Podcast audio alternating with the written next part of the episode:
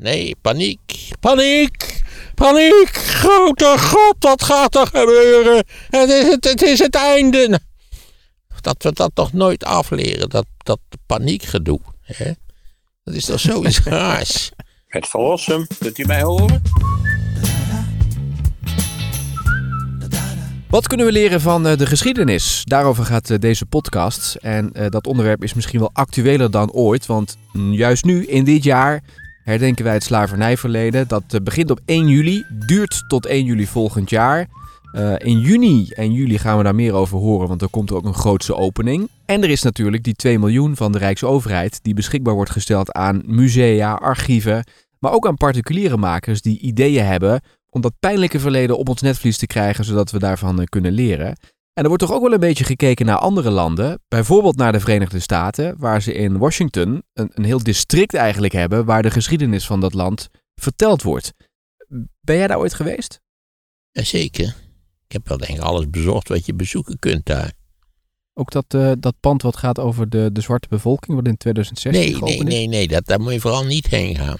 Er zijn er, zijn er twee, ik geloof dat is het, het, het Museum of Black History, maar nog erger was de Indian History, dus de, de Native Americans. Dat is één grote museumwinkel. Waar je allemaal indianentooien kunt kopen en wigwams, eh, opvouwbare wigwams en ik weet al niet wat, dat is niks. Maar ja, je hebt in eh, Washington enorm leuke musea natuurlijk. Denk alleen al aan het, het eh, ruimte, ruimte- en luchtvaartmuseum. Air and Space Museum, ik weet niet precies wat het precies Dat in ligt allemaal bij elkaar daar, hè? En dat, eh, Ja, dat ligt allemaal aan de mol. Precies. Is toch ook dat pand waar je dus eh, binnenkomt alsof je een schip waar die slaven, of die tot slaaf gemaakt altijd op zaten. Daar ben ik nooit geweest. Dat is misschien nieuw, daar heb ik geen idee van. Het is in 2016 pas geopend door Obama. Dus ik denk dat Ja, ben ik ben sinds die tijd niet geweest. Nee. Ik weet niet wanneer ik voor het laatst geweest ben, 2012 of zo. Hm. Ja. Ja. mijn familie heb ik nog wel bezocht daarna, maar ik ben niet meer in Washington geweest. Ja. Maar Washington is een hele fijne museumstad. Ik kan het warm aanbevelen. Ja. Dus dat zeg ik. eh, er zijn heel weinig Amerikaanse steden waar ze geen... Als Los Angeles, geweldige musea. Chicago, geweldige musea. Leuke stad ook. Allerlei opzichten. Beter dan zijn reputatie. Dit, dit pand eh, werd genoemd, waar je dus eh, zeg maar binnenkomt alsof je onder een schip binnenwandelt, eh, als inspiratie voor Nederland, wat we nu moet met die excuses rondom het slavernijverleden moeten. Ah, nou, het is wel goed zo, zou ik zeggen. Nou ja, het moet nog beginnen, hè, het jaar. Of het Ja. is nu begonnen eigenlijk. Ja, je weet dat we zouden een historisch museum bouwen daar bij Arnhem. En dat, is allemaal slecht afgelopen. Nou, daar is best wel kritiek op. Dus dat we laten we dat allemaal maar niet doen. Ja, maar de, Ik ben daar niet zo voor. Ik ben niet voor politiek ingestoken musea. Van welke aard dan ook. Maar schijnbaar is dit pand in Amerika, wat dus als voorbeeld wordt genoemd, is geen museum. Je, ze laten dus ook zien, als je dus schijnbaar boven de grond bent eh, uiteindelijk, wat de zwarte bevolking heeft bijgedragen aan het land. Dus het is, het is meer een Nou ja, inspiratie. prima. Ik juich het van harte toe. Maar dat wil niet zeggen dat ik een voorstander ben van een politiek ingestoken museum in Nederland. We hebben een eindeloos ruzie gemaakt over dat ding in Arnhem. En toen bleek geloof ik de parkeergarage duurder te worden dan het hele museum. En ja, toen is het godzijdank allemaal afgeblazen. Ik zou zeggen, er zijn in Nederland ruim voldoende museale mogelijkheden om ons verleden, het unieke verleden van de Republiek, om dat te gaan bekijken. Dat de slavernij wordt doodgezwegen of zo, dat is allemaal flauwekul. Maar de excuses zijn nu gedaan en nu komen de initiatieven natuurlijk om, om hier nog meer, dat heeft Rutte ook aangekondigd hè, in zijn toespraak, om Ja. er meer mee te doen nog. Bewustwording voor 200 miljoen, begrijp ik ze Ja. zeggen. Besteed dat nou wat meer. Misschien kunnen we iets van het bewustwordingsgeld besteden aan het organiseren van een fatsoenlijke opvang voor asielzoekers in Nederland, zodat we niet over 50 jaar excuses hoeven te maken voor de lamentabele opvang van asielzoekers in Nederland. Want dat is een zonderlinge paradox. Aan de ene kant, niet waar, geven we excuses voor de verschrikkelijke dingen die we in het verleden hebben gedaan. Die inderdaad heel verschrikkelijk waren, maar goed, wat ik van excuses vind, heb ik al uitgelegd. En tegelijkertijd laten we een situatie etterende wonden bestaan in het huidige Nederland, waar we misschien ook eh, eh, op termijn ook weer excuses voor moeten maken. Hè? Ik zou zeggen, doe nu iets aan waar we nu iets aan kunnen doen. In plaats van bewustwording. Bewustwording die is er al lang. Rondom het slavernijverleden bedoel Ja. je? Is dat zo? Ja, natuurlijk is dat zo. Behalve bij mensen die sowieso niet in het verleden zijn geïnteresseerd. Als je toch ooit iets hebt gelezen over het verleden, dan weet je toch dat slavernij een wezenlijk bestanddeel is geweest van vrijwel alle samenlevingen voor de, dat de officiële slavernij is afgeschaft, ergens in het begin van de 19e eeuw. En trouwens, daar bestaan nog steeds, zoals we allemaal weten, allerlei situaties die in ieder geval geen haar beter zijn dan de traditionele slavernij. Maar denk je dat mensen ook weten wat dat inhield? Uh, dat denk ik wel, dat ze dat weten. En hoe erg het ook was. Ja. Wie heeft nou niet die, die, het boek over van Uncle Tom gelezen? Uncle Tom's Cabin. Ik, als kind al. Uncle Tom's Cabin. Lees het nog eens. Wat, wat is de, de conclusie van het boek? Nou, dat de slavernij geen lolletje was. Ja, dat snap ik, maar wat wordt het dan in omschreven? Ja, conclusie. Ik, ik, dat, dat, dat het nuttig is dat het afgeschaft is. En dat moet je zien tegen de achtergrond van de ontwikkeling in de Verenigde Staten. Ja, maar dan ben jij bovengemiddeld geïnteresseerd in veel dingen. En, en heel veel andere Nederlanders interesseert het niet zoveel. Nee, dus moet je ze dan dwingen om zich wel te interesseren. Hoe ga je dat doen? Maak er maar een mooie tv-serie over. Nou, die zijn er toch wel geweest, of niet? Mm Nou ja, ik kan me wel voorstellen dat als, als je bewustwording aanstipt, dat je dan zegt... Ik ben niet gelukkig met, met, met de bemoeienissen van de politiek met het historisch bedrijf. Laat de overheid daar met zijn poten vanaf blijven. Ja. Zou ik zeggen. Het is allemaal dan, dat krijgt allerlei prioriteiten en, en nuances die, die er niet bij horen. Maar ik denk dat. Ik heb laatst uitgelegd wat een historicus te doen staat. En de historicus hoeft zich, die moet dingen onderzoeken, duidelijk maken, verklaren. maar het is niet zijn taak om met een soort politieke zending het verleden te lijf te gaan. Dat leidt alleen maar tot ellende. Maar denk je niet dat bewustwording ook kan leiden tot een beter leven nu? Omdat nee, mensen daar geloof ik geen bal van. Als nou die bewustwording, als, ik mag, voor mij mag het de bewustwording als ze dan die ellende in dit, bij de opvang van asielzoekers gaan aanpakken. Dan pas ben je bewust van het feit dat je ook nu dingen doet die niet deugen. Maar als ik nou een zwarte collega altijd belachelijk zou maken en ik zou een serie zien over het slavernijverleden en, en de gevoeligheden, zou ik me daar dan niet beter in kunnen inleven en denken van ik ga die mensen niet meer belachelijk Ik geloof er niks van. Als jij die zwarte collega belachelijk maakt, deug je sowieso niet. En dan ben ik ervan overtuigd dat ook allerlei bewustwording niks zou helpen in jouw geval. Uh, dat denk ik helemaal niet. Die, uh, die gezellige twitteraars hè, van de witte kinderen, zal ik maar zeggen. Die, dat helpt, daar helpt niks tegen. Dus jij denkt niet dat uh, als... Trouwens, bij al deze dingen, laten we dat eens even voorop stellen discriminatie om wat voor reden dan ook, uh, identiteit, zwart, bruin, geel enzovoort, is in de afgelopen halve eeuw sterk afgenomen. Dus dat bewustwordingproces, dat draait al lang. Ik heb liever niet dat, dat het verleden in handen raakt van mensen die primair politieke motieven hebben. Ja, ik, ik vraag me af of dat. Eh, waar blijkt het trouwens uit dat het is afgenomen? Uit de cijfers. Van? Nou ja, god, als, als je dat niet duidelijk is, dan zal ik nog ik heb net dat boekje gelezen van die zweet, hè? Factfulness. Daar kunnen we best eens een aflevering aan wijden. Het is verbazingwekkend in hoe positieve zin de wereld veranderd is in de afgelopen halve eeuw, kan ik je verzekeren. Dat wij dat nou niet weten en dat wij dat denken dat het precies omgekeerd is, dat alles erger is geworden. Dat we afkoersen op de totale ondergang en zo. Dat is, heeft, heeft weinig te maken met de werkelijkheid. Weet jij hoe uh, het onderwijs is ingericht op dit uh, thema? Hoeveel aandacht is er voor het slavernijverleden op middelbare scholen? En misschien ook wel op Geen idee. Dat hangt denk ik heel erg af van de, van de individuele docent. Sowieso geschiedenisonderwijs is sterk afhankelijk van de kwaliteit en de belangstellingen van de, van de zittende docent. Maar er is toch een programma ook waar ze zich aan moeten Er is ook wel een soort programma, maar je weet dat we hebben in Nederland eigenlijk alle denkbare moeite gedaan de afgelopen 60 jaar om het, onderwijs, het geschiedenisonderwijs zoveel mogelijk te marginaliseren. Ik geloof dat er nu ook weer plannen zijn om dat uh, verder te verminderen.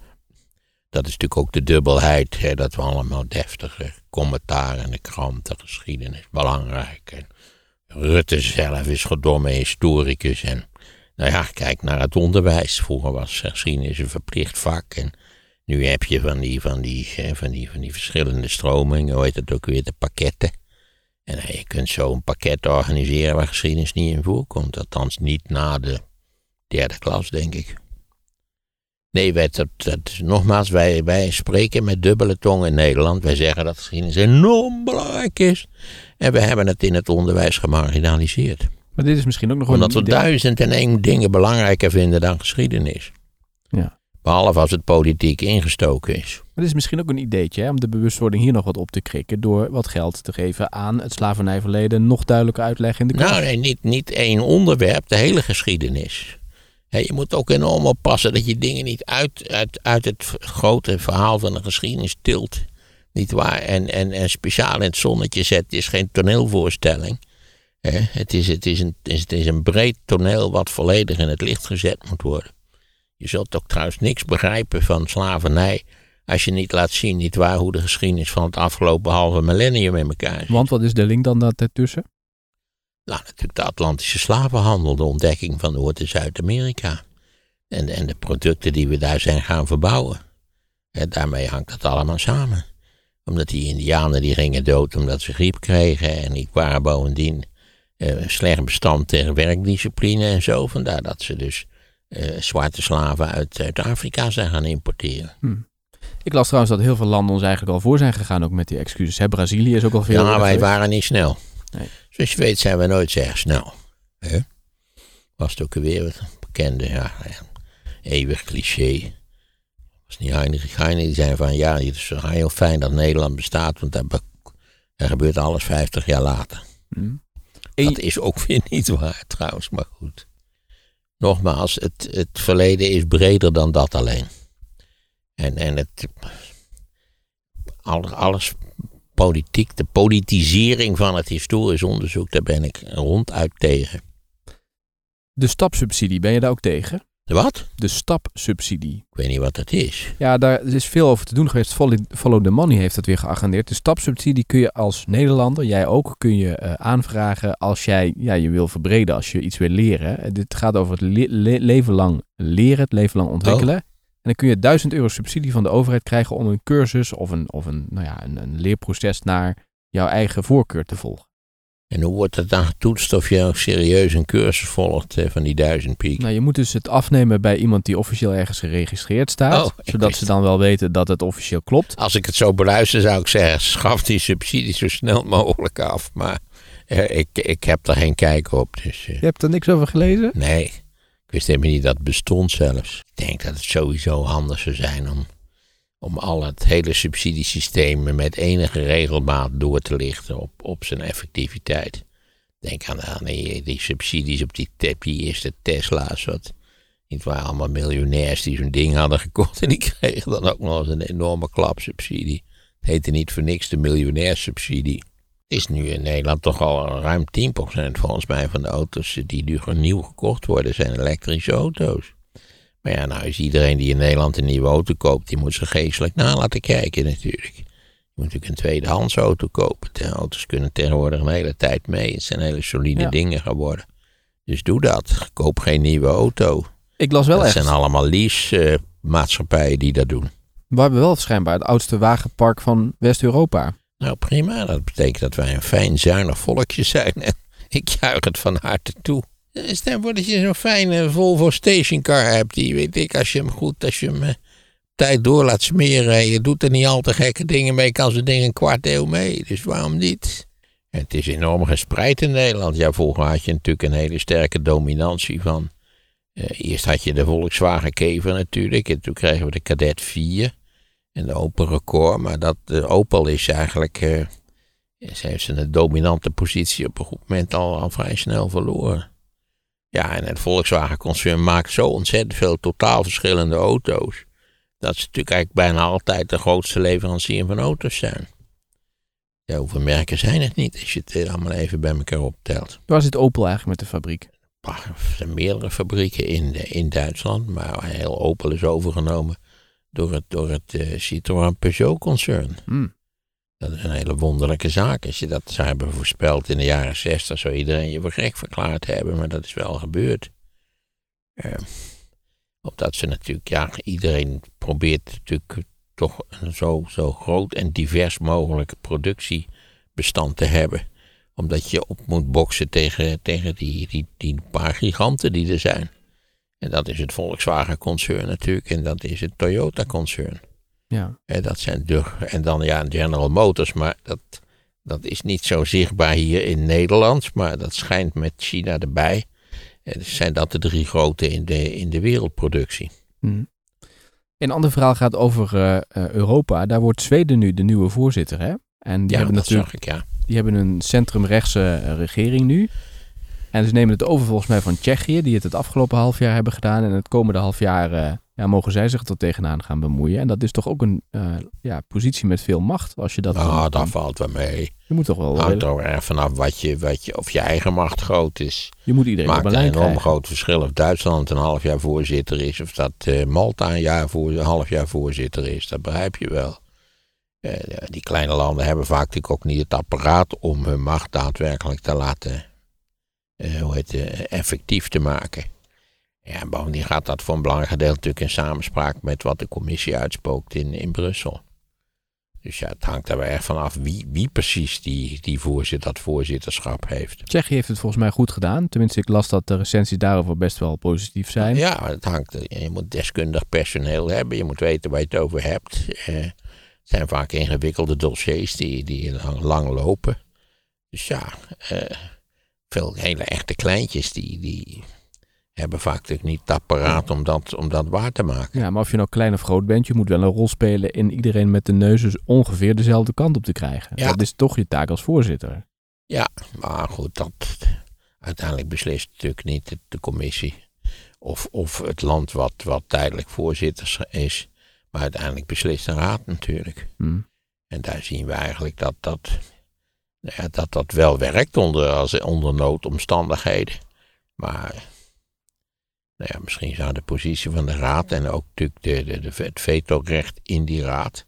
Dat zou misschien wel wat afgezwakt kunnen worden. Een migratiedossier, dat ligt ook eh, eigenlijk stil. Hè? Dus daar, Ja, is, daar kunnen we het niet over eens worden. daar is Zweden natuurlijk wel uitgesproken nu over met deze nieuwe regering. Dus die kunnen daar eh, misschien nog wel wat... eh, Nou, ik geloof niet dat het al te dramatisch is, maar natuurlijk die, die zeer ruime toelating, daarvan zijn ze enorm teruggekomen. hm. En ja, waarom zijn ze daar enorm van teruggekomen? Omdat ze uiteindelijk die mensen heel fijn en hartelijk eh, binnen hebben gelaten en vervolgens aan hun lot over hebben gelaten. Met alle verschrikkelijke gevolgen van dien.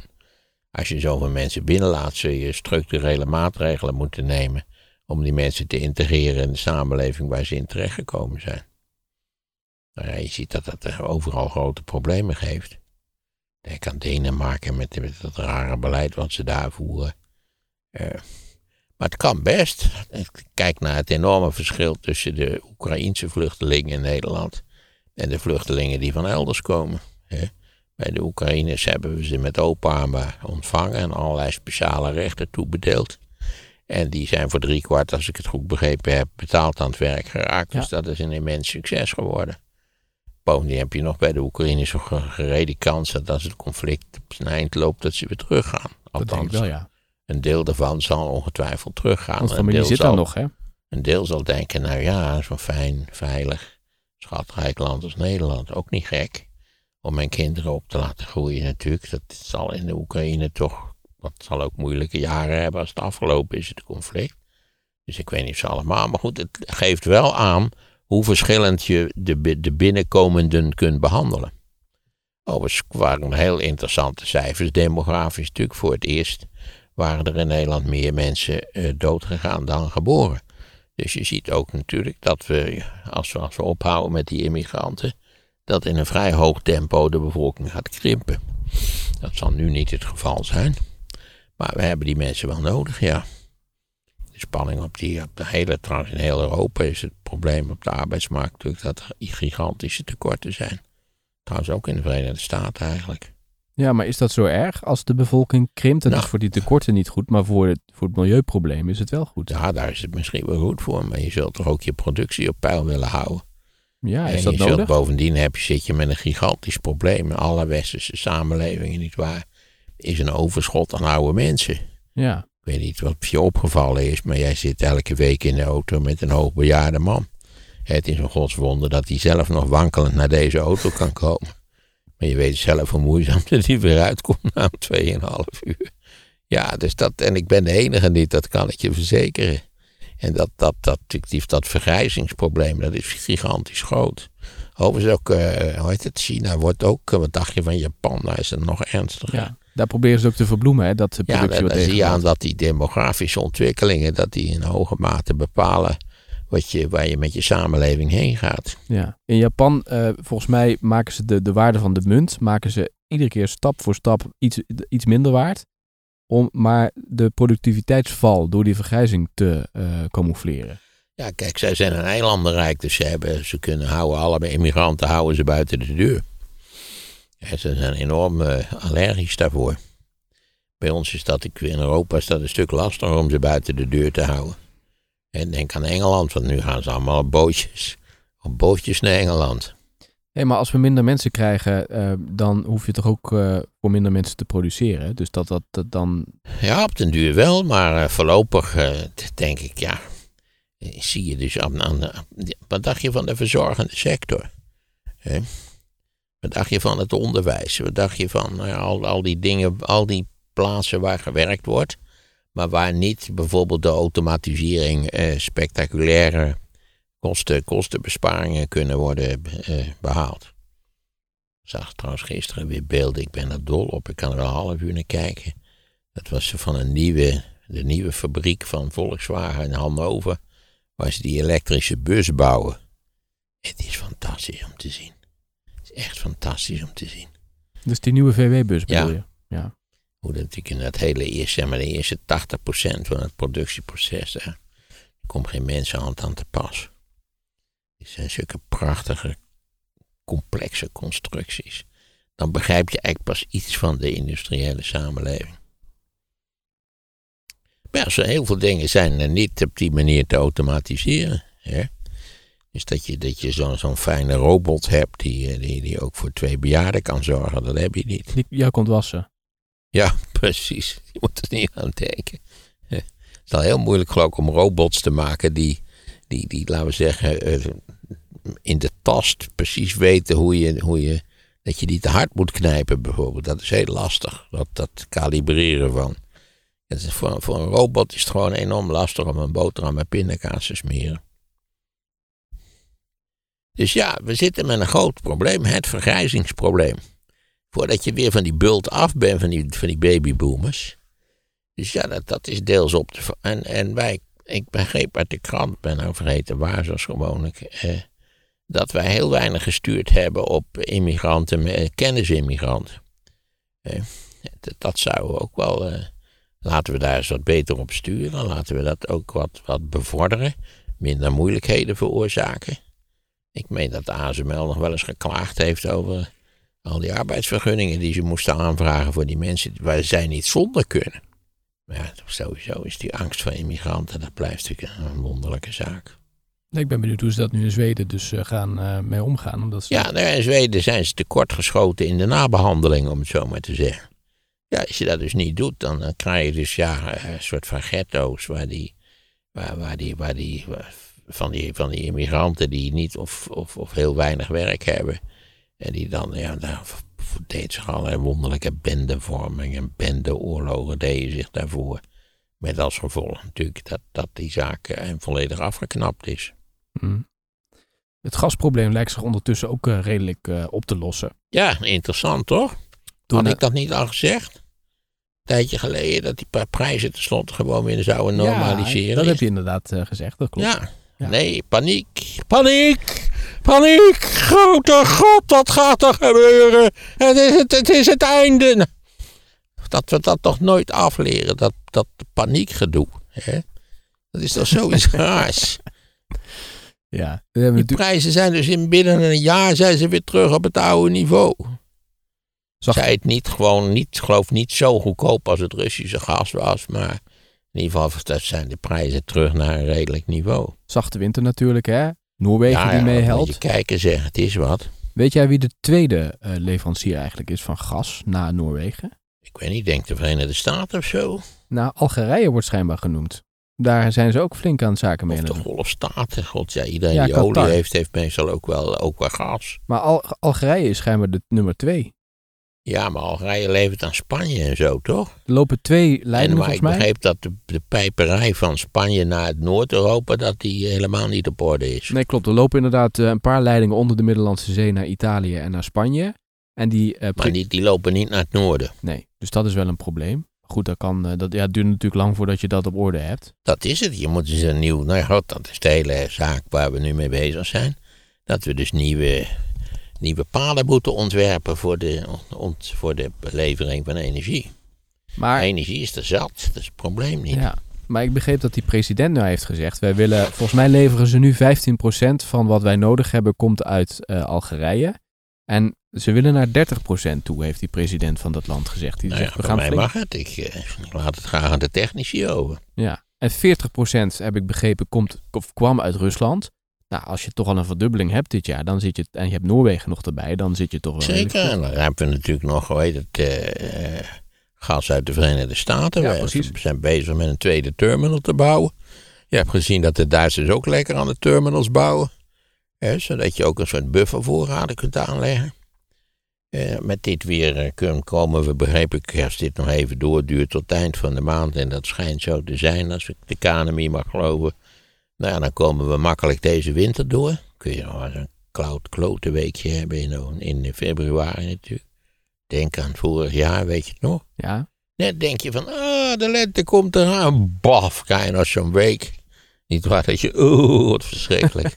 Vooral als bejaarde heb je het voortdurend koud. hè. Dat is ook zoiets geks. Ik kan me helemaal niet herinneren dat ik het als kind koud had. Totaal niet. Terwijl, wat hadden we nou voor verwarming? We hadden een kamer met een kachel erin. En het hele huis was koud.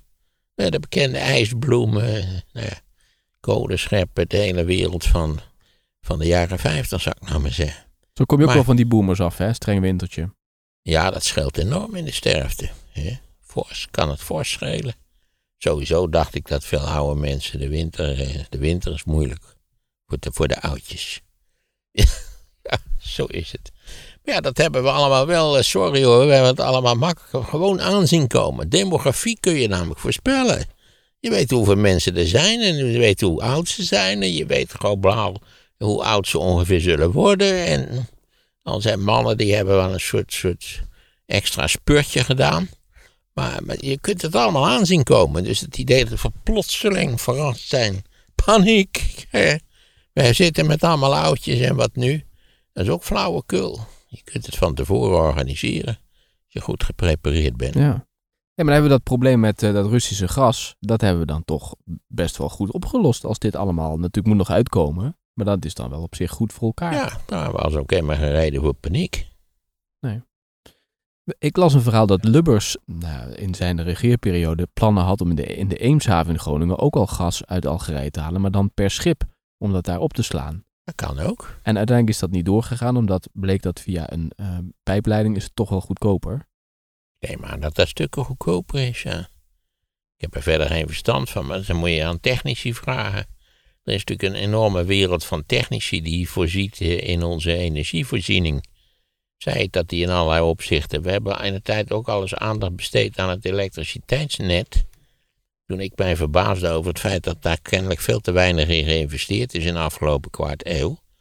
En toen had ik nog gezegd, dan had je het maar niet moeten privatiseren. Maar het net is natuurlijk niet geprivatiseerd.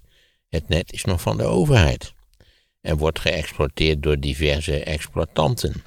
Maar dan is het nog weer ernstiger, want dan heeft de overheid daar dus niet voldoende geld in gestoken. Hè?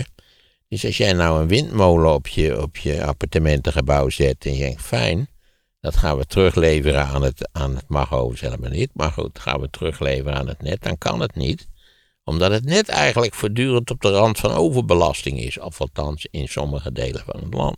Dat je ook denkt, hoe is dit nou toch mogelijk? Wat, wat voor een wonderlijke struisvogelsamenleving zijn we eigenlijk?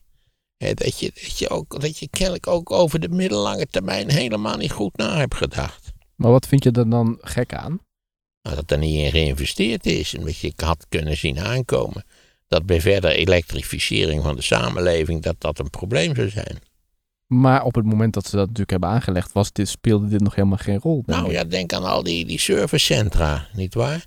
Die, die enorme, dat die, die, van al, al die diverse Amerikaanse bedrijven, die vreten elektriciteit op stadsniveau. Ik bedoel, hè, die, die, die gebruiken elektriciteit op het niveau van een, eh, gemiddelde provinciestaat. Ja, dan moet je toch beseffen, ja, wacht nou eens even. Was dat niet in Flevoland?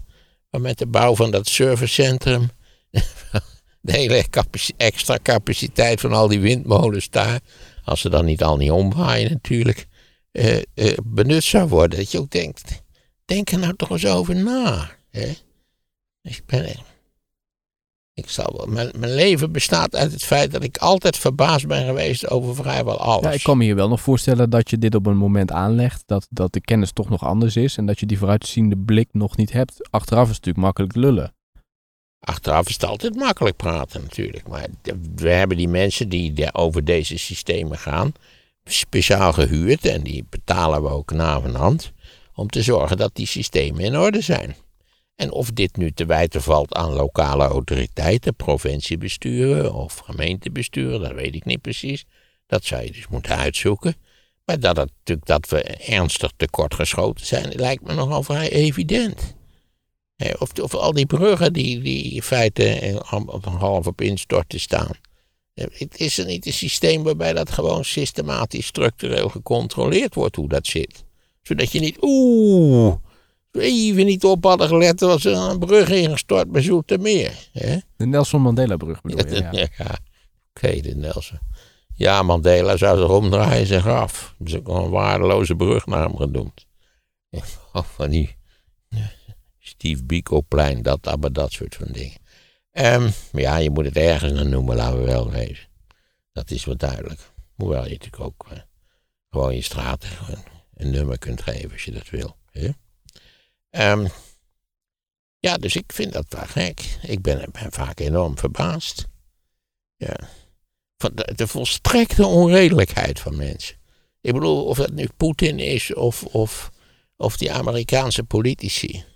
En dan zie ik ook zo'n plaatje allemaal van die, van die dikkere mannen van, van ergens van, van, die, van die 50 plus. En dan denk je, hoe is het gods mogelijk dat deze dorpsidioten niet waar ingehuurd zijn om het, het belangrijkste land ter wereld te runnen? 74 was het trouwens dat Lubbers dat idee over dat gas had. eh, Ja, trouwens heb je nog gezien al die, die leuke dossiers die over de jaren 50 en lunch en zo, die eh, door de NRC onthuld zijn. Zijn dat, is dat ook wel uitgekomen dat er ergens een is schat lag? dat nu 75 jaar eh, geleden is en nu wordt dat allemaal, eh, mag dat allemaal Dus geopenbaard één keer per jaar dat dat geopenbaard Ja, wordt, die toch? lunch blijkt dus een mega oplichter te zijn geweest. Met, met, met geld, eh, wapens gekocht voor Portugal, eh, duistere transacties, eh, naar de hoeren. Het is, dat je denkt, huppakee, het is ongelooflijk werkelijk. En wie had dat nou gedacht van lunch? Ik niet hoor, moet ik je zeggen. Hij is ook nog secretaris-generaal van de NATO geweest. Wat vind je ervan dat het één keer per jaar maar openbaar wordt gemaakt? Waarom niet eigenlijk altijd? Gewoon als het er is. Nee, er zit gewoon een termijn op. Hmm. Dus op sommige dingen zit een termijn van 25 jaar. Ik zou zeggen kabinetsnotulen. En er zijn sommige dingen die kennelijk eh, de, de, de privacy eh, raken. En daar zit dan geloof ik 75 jaar op, als ik het goed heb begrepen. En het zijn dus ook zaken die journalisten niet eerder ontdekt hebben. Nee, dat was een, hele, een heel overzicht. Maar ook Geertsema, onze minister van VVD-minister van Buitenland van eh, Binnenlandse Zaken. Hele rare contacten met criminelen en zo. Dat je denkt, hoe is dit mogelijk? En dat je toch het gevoel hebt dat dat tegenwoordig toch minder makkelijk zou kunnen. Dat je, dat je tegenwoordig toch sneller tegen de lamp loopt, omdat de, laten de onderzoeksjournalistiek actiever is geworden. Maar ja, ik zeg dat nou, hoopvol, maar ik weet niet of dat daadwerkelijk zo is. Maar is het dan ook zo dat over tientallen jaren eh, dossiers over Rutte naar buiten kunnen komen? Ja, wie weet. Dat Als het op dit niveau is, dan, dan moet Rutte de meest gruwelijke dingen hebben gedaan. Wat ik overigens helemaal niet denk. Dat denk ik helemaal niet. Maar bij deze man dacht je het ook Eh, niet. Rutte is iemand die te goede trouw een hoop ellende heeft aangericht. Het is geen, het is geen slecht mens of zo. Kijk, kijk Luns was gewoon een, een reactionaire oplichter. Een leugenaar bovendien. Maar volgens iedereen een heel bekwame eh, minister van Buitenlandse Zaken. Laat ik, laat ik ervan uitgaan dat dat dan misschien zo was. Hey, het prijsplafond, eh, wat vind je daarvan? Nou, ik moet zeggen, ik heb begrepen, eerst was iedereen blij over het prijs, prijsplafond. En toen zei iedereen dat het het meest waardeloze prijsplafond was van, van, van de hele wereld eigenlijk. En nu begrijp ik dat het, dat het niet bijzonder is, maar redelijk is. En dat het gedurende enige tijd zal doen wat het moet doen. Ik zelf heb me er nog niet druk over gemaakt, eerlijk gezegd. Maar ja, ik ben natuurlijk niet iemand die. Ik, volgens mij, het is tot, tot een bepaald niveau van gebruik.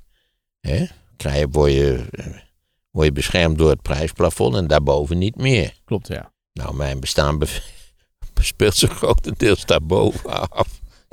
In die tochtfabriek. Niet waar? Ja, je woont in een keurig huis, in een keurige buurt, maar het is wel een tochtfabriek. Maar hou jij in een appje een beetje bij hoe je verbruik is? Nee joh, kan mij maar een bal schelen. Zeg, ga maar niet over tobben. Ga je maar zitten toppen. Eh, ja, dat moet je niet doen. Het is gewoon niet verstandig. Maar jij weet dus ook niet hoeveel je verbruik daar is. Dat moet je toch af en toe wel opgeven? Of, eh, Ik gebruik aan gas. heb Als, eh, ik heb zei ik al, het was voor drie jaar vastgelegd. Maar goed, dat is eh, ruim 400 in de maand aan gas. Dus zeg maar, het is uniek. Uniek veel. Ja, dat heb je ervan als de wind dwars door je huis heen blaast. ja. Dat is dus op jaarbasis, nou ja, reken maar uit. Ja, dat zijn behoorlijke bedragen. Kijk, er stopt nu een speciale auto bij mij voor de deur. Think Green staat erop. ja. Zie je dat? Ja. Dat, is, dat is een boodschap van boven. Ja. Nee, sorry, ik top daar niet over. Ik kan me permitteren om er niet over te tobben. En elektriciteit? Ik heb geen flauw idee. Echt geen flauw idee. Ik moet zeggen dat ik door de hele sfeer, heb ik al verteld. Ik heb zo'n bijverwarmingje op mijn studeerkamer. En ik denk van, oh, kan ik dat nou wel aanzetten? Zet ik het ook zodra ik weer eh, iets anders ga doen of weg ga, ga zet ik het even uit. Maar goed, ik, eh, ik ga daar niet verschrikkelijk over tobben. Die minister in Algerije was ook niet blij hè, met dat prijsplafond. Die zei dat is een verstoring van de markt.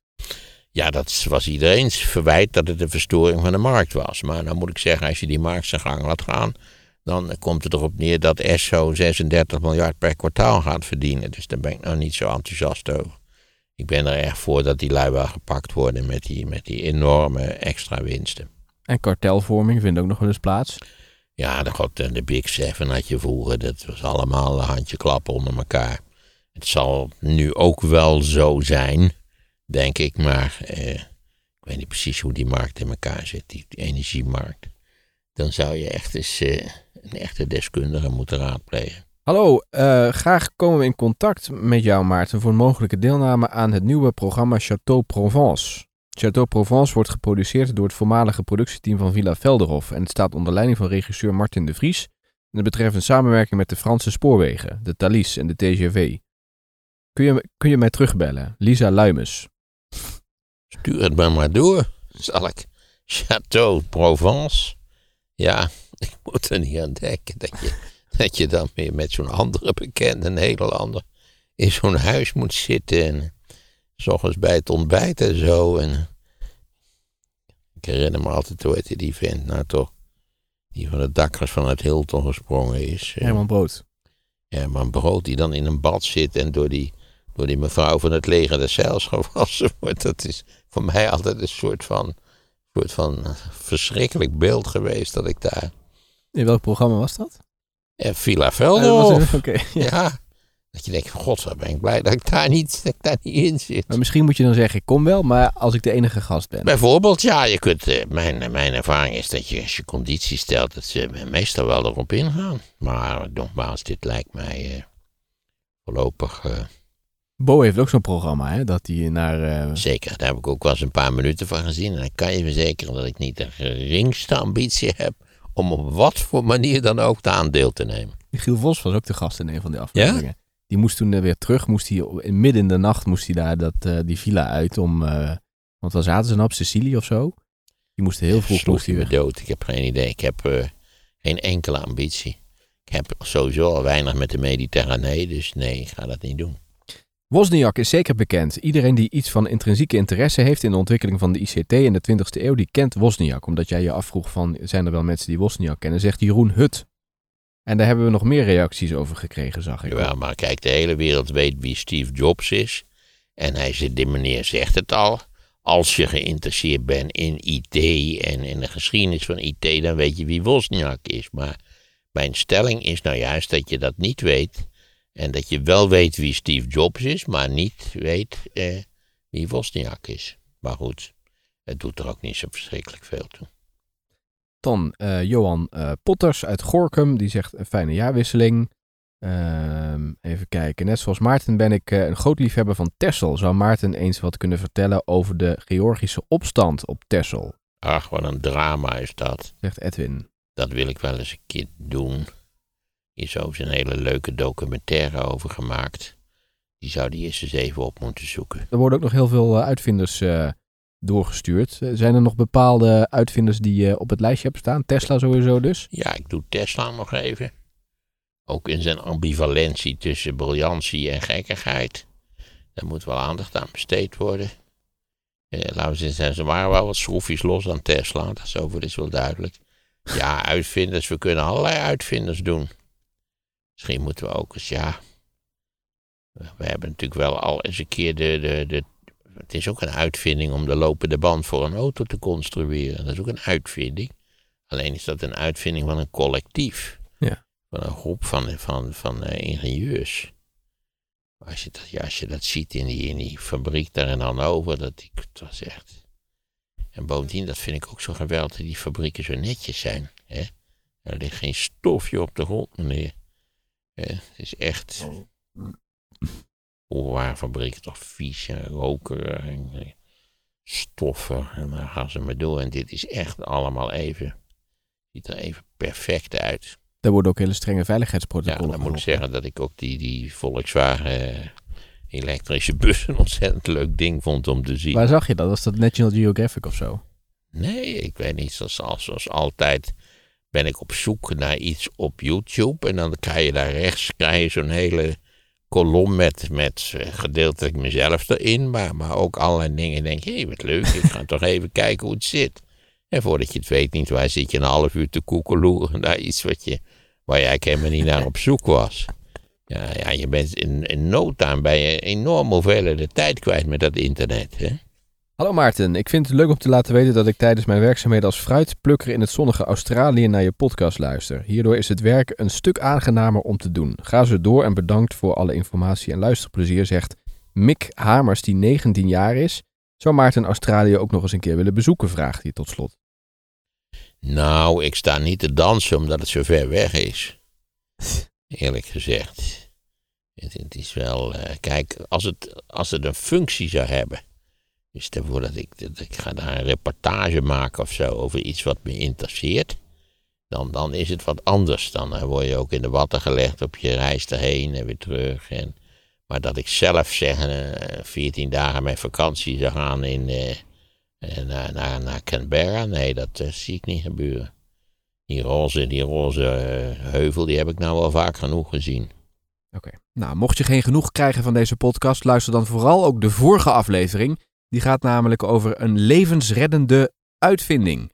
Misschien wel de belangrijkste uitvinding van de afgelopen 100 jaar. Je vindt die podcast in je podcast-app en hij staat ook in de show notes. Paniek! Grote god, wat gaat er gebeuren? Het is het, het is het einde. Nu die geschiedenis. Ik ben nog niet begonnen met mijn betoog of dat gekloot van die muziek begint weer. Het verhaal dat Maarten niet af kon maken bij Op1 hoor je wel in het luisterboek Het Nut van Geschiedenis. En de vraag is, heeft die geschiedenisstudie enig nut voor de toekomst? Download het luisterboek via de link in de show notes. Na ons de zonsvoet. Après nous le deluge. Hoe kijken ondernemers en de Nederlandse overheid terug op de succesvolle techbeurs CES? Je hoort het nu in de podcast Sea Level. De link staat in de show notes.